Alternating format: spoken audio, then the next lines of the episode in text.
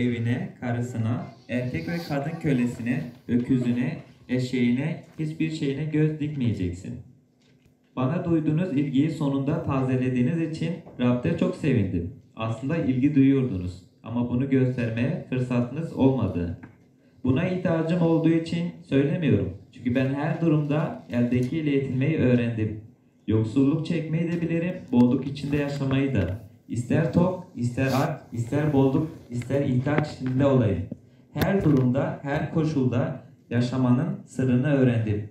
Beni güçlendirenin aracılığıyla her şeyi yapabilirim.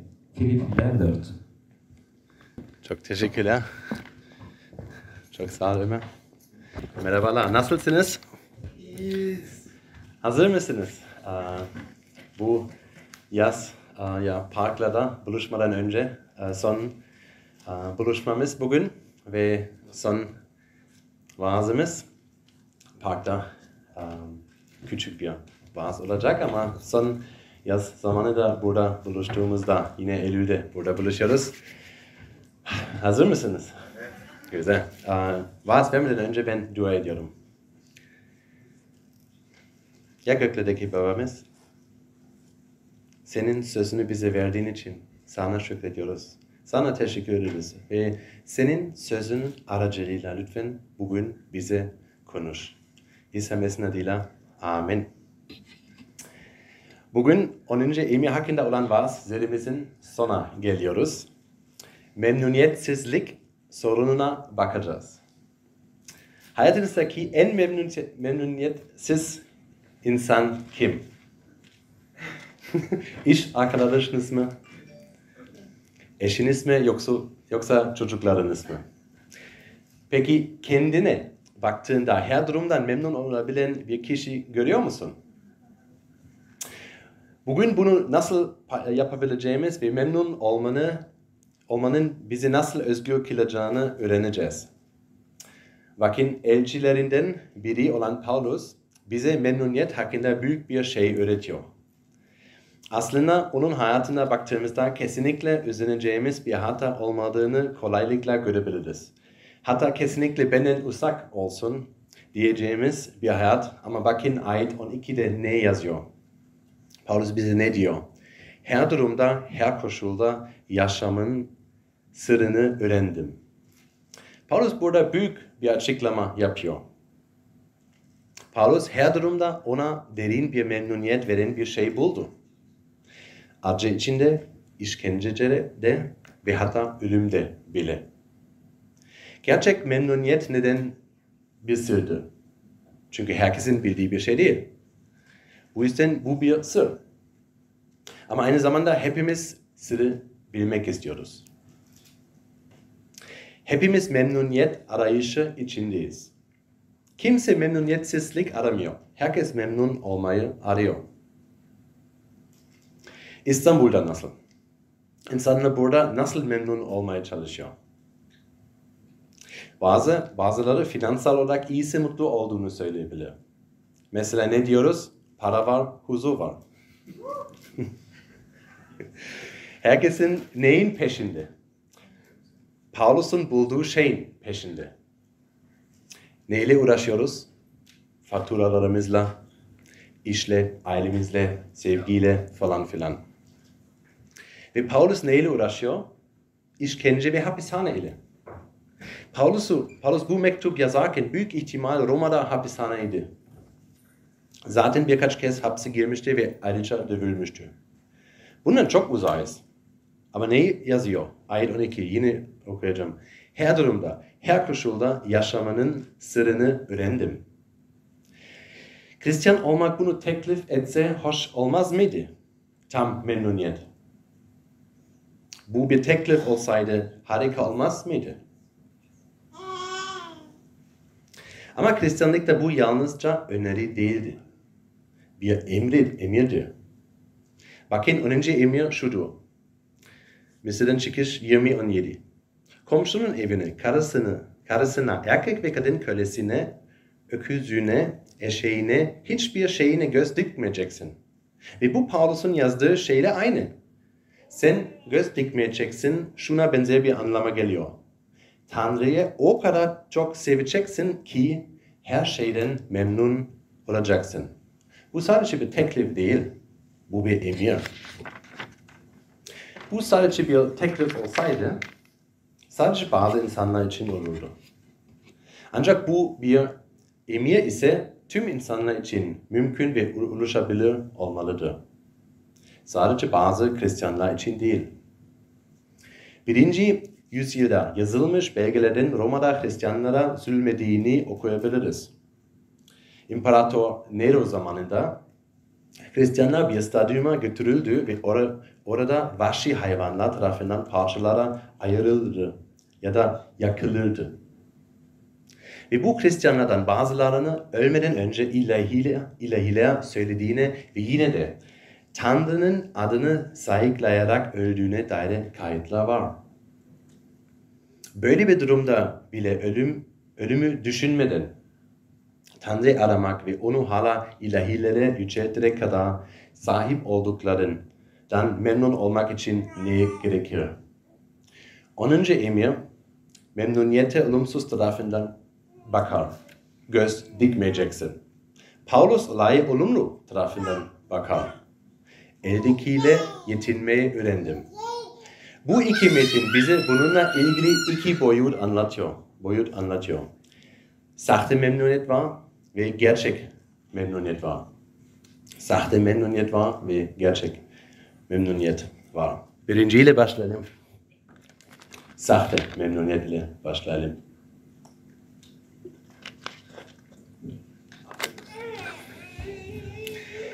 Onuncu emir bize meydan okuyor.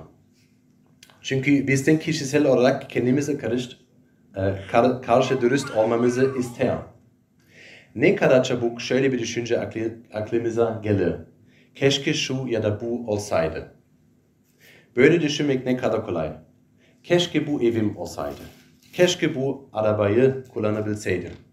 Keşke bu karım olsaydı. Keşke bu kocam olsaydı. Keşke onun kredi kartı bende olsaydı. Keşke Instagram'da o kadar tak, o kadar takipçim olsaydı. Şimdi sen de aklında keşke ile başlayan bir cümleyi düşünebilirsin. Her birimizin böyle düşünceli var. Ve toplumumuzdan statümüz ve kimliğimiz önemlidir. Toplumumuz bize kimliğimizin sahip olduklarımıza bağlı olduğunu söylemeye çalışıyor. Ne giyersin olsun. Ne iş yaparsan olsun. Nerede yaşarsın olsun.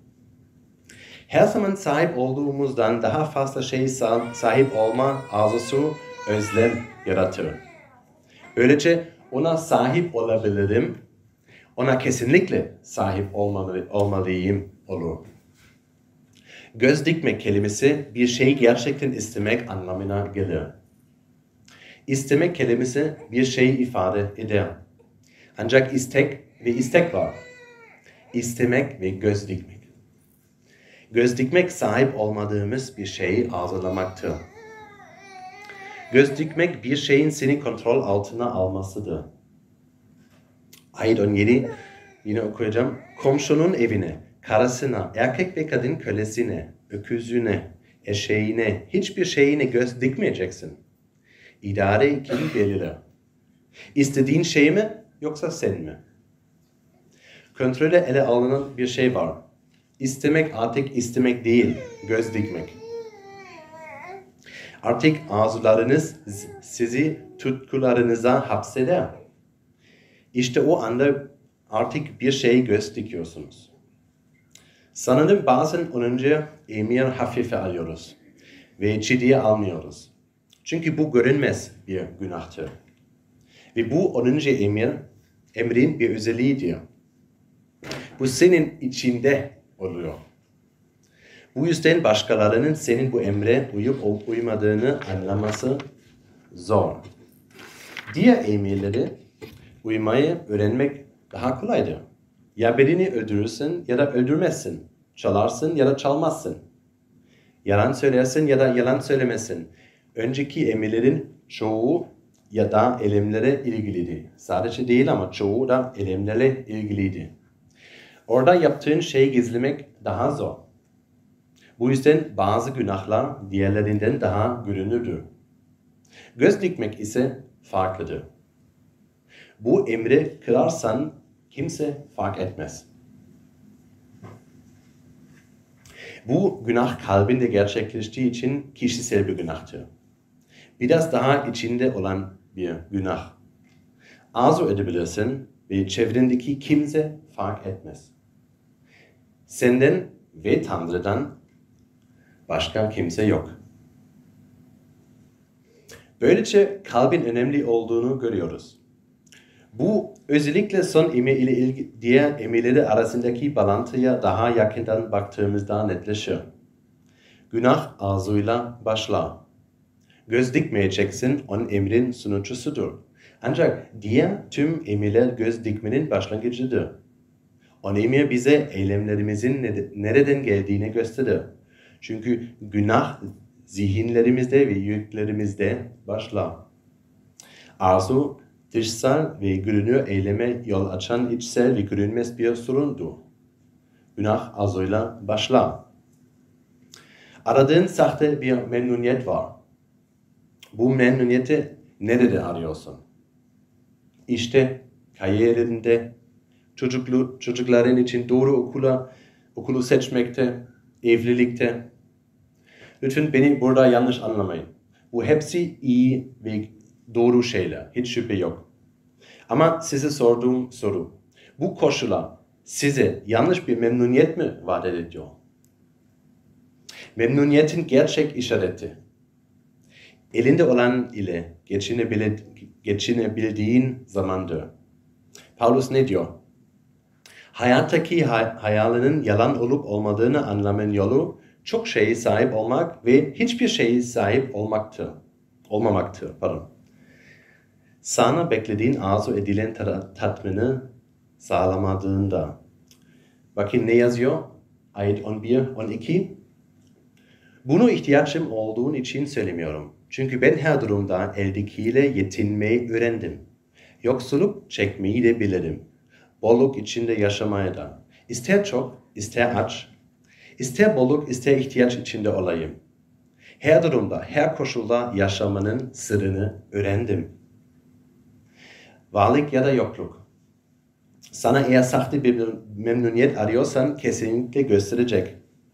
Paulus her ikisine de sahipti ve her ikisinde de derin bir memnuniyeti buldu. Neden de bolluk içinde yaşamak diyor? Bu iyi bir şey değil mi?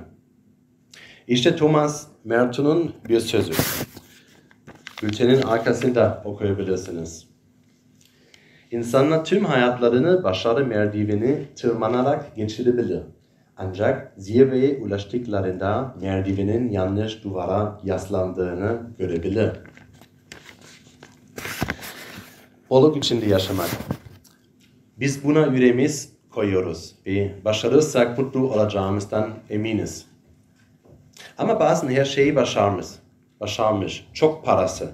Güçlü olan insanlar, insanlardan ne duyuyoruz? Para var, aile var, evler var, arabalar var. Hayal edebileceğiniz her şeye sahip olsun da bu seni mutlu eden bir şey değil. Çünkü her şeyi tekrar kaybetmekten korkuyorsun. Ya da hiçbir şeyiniz yoksa bu sizin için yeterli mi? Yoksa her zaman bunun yeterli olmadığını hissi mi var? Başkalarının sahip olduklarını arzulamanızı sağlayan bir duygu. Paulus ikisini de deneyimlediğinizde onun bulduğu gibi bir memnuniyet olup olmadığını anlayacağınızı söylüyor. Muhtemelen hiçbirimiz ikisinden bir tanesinin bir tanesini deneyimleyemeyeceğiz. Yoksulluk ve bolluk. Ama bizim hayallerimiz var, değil mi? Ve muhtemelen ulaştığımız noktaya ulaşamıyoruz. Hatta ona asla tam olarak ulaşamayacağımızı bile fark etmiyoruz. Güç, ilişki, para, illüzyon içinde yaşıyorsun. Belki bazı şeyleri çok uzun kovalıyorsun ya da çok uzun kovalıyoruz. Evet, gelecek yıl, belki sonraki yıl, belki beş sene sonra. Paulus'un sahip olduğu memnuniyet bulmak için gerçekten Derin bir şeye ihtiyacımız olduğunu anlayana kadar. Ta ki çok daha derinlere inen bir tatmine ihtiyacımız olduğunu anlayana kadar. İkinci noktaya gidelim. Bir gerçek memnuniyet var. Paulus'un bulduğu memnuniyet. Bu gerçek memnuniyete bakmadan önce amaçlarımıza ulaşamadığımızı fark ettiğimizde ne olacağını bakalım. Ya da amaçladığımız şeylerden memnun kalmadığımızı fark ettiğimizde. O zaman farklı şeyler yapabilirsin. Bazı şeyleri suçlayabilirsin. Kendini suçlayabilirsin ve dünyayı suçlayabilirsin. Bazı şeyleri suçlayabilirsin. Daha iyi bir işe, daha iyi bir ilişkiye, daha iyi bir figüre ihtiyacın var diye düşünebilirsin. Yeni bir hayata ve hayallere ihtiyacın olduğunu hissedebilirsin. Bu bir şeyi bağlanma konusunda tamamen güvensiz olmanı sağlar. Her zaman bir şeyleri değiştiriyorsun ve etrafını suçluyorsun. Ya da kendini suçlayabilirsin. Diğer herkes mutlu. En azından öyle görünüyor. Diğerleri ne kadar mutsuz olduklarını göstermek istemiyorlar. Ve sonra bana ne oldu? Benim hatam ne diye düşünüyorsun. Kendini suçlayabilirsin. Ya da dünyayı suçlayabilirsin. Neden bu kadar memnun değilim diyebilirsin. Birçok şey denedim ve hayal kırıklığı, kırıklığına uğradım. Bir daha aynı şeyleri umut bağlamayacağım gibi düşünebilirsin. Böyle olduğunda kalbin sertleşir. Kalbinin kal, kalbimin bir daha kırılmasını istemediğin için onu taş gibi sertleştireceğim. Tam memnuniyet bulamıyorum. Bu yüzden umudumu kesiyorum. Ama dördüncü bir seçenek var. Tanrı ile olan ilişkini suçlayabilirsin. Tanrı'yı değil, onunla olan ilişkini. Beni yaratan bir Tanrı var diyorsun. Ama belki gerçekten bilmiyorsun. Ya da onu tanıdığım sanıyorum diyorsun. Ama yine her şeyden tam olarak memnun değilsin. Belki de Tanrı ilişki içinde yaşamanın ne demek olduğunu biraz anladım. Ama tamamen anlamadığım, anlamadığım galiba bu yüzden memnun değilim diyorsun. Tanrı ile olan ilişkinin daha çok göstermek istediğin bir şey olduğunu söyleyebilirsin. Ve bu bir sır. Paulus'un söylediği gibi. İhtiyaçlarımız var. İhtiyaçları deneyim, e, memnuniyetlerini deneyimleyerek tanırız.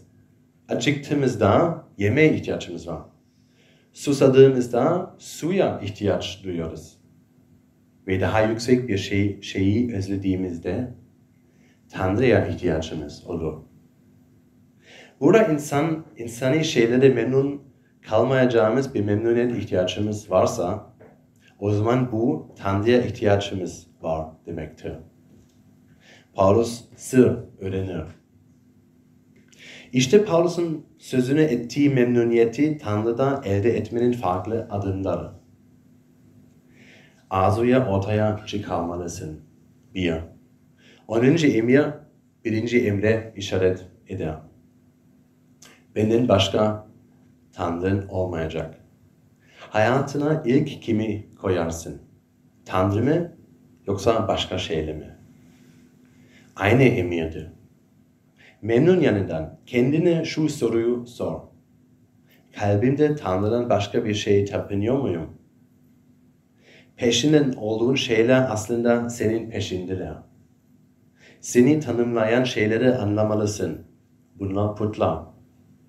Bir putla ilgili asıl sorun, o putun etrafında bir yalan yaratıyorsun.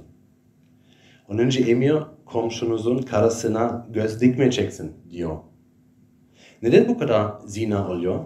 Neden bu kadar çok zina oluyor? Neden bu kadar çok insan dolandırılıyor? Eşim Cena bana ürkütücü bir örnek anlattı. O bir kilisedeydi ve birkaç evli genç çift vardı. Hepsi birbiriyle arkadaştı. Bu çiftlerin iki tanesinde diğer bir çift Cennet'teki karısı cinsine aşık olan iki kişi vardı. Eşlerinden ayrıldılar. Çocuklarını terk ettiler ve birlikte başka bir şehre taşındılar. Neden? Onlara göre bu sevgiden dolayı. Hani sevgi ile yapılan bir şey yanlış olmazdı. Onların için içlerinde şöyle bir düşünce vardı. Bu kadın beni gerçek bir erkek yapıyor. Bu adam beni gerçek bir kadın yapıyor. Bunlar hepsi yalan.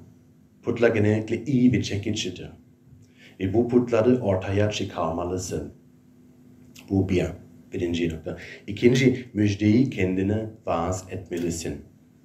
Uğrun, uğruna çalıştığım bir şey değil. Benim tanınmam vesaire değil.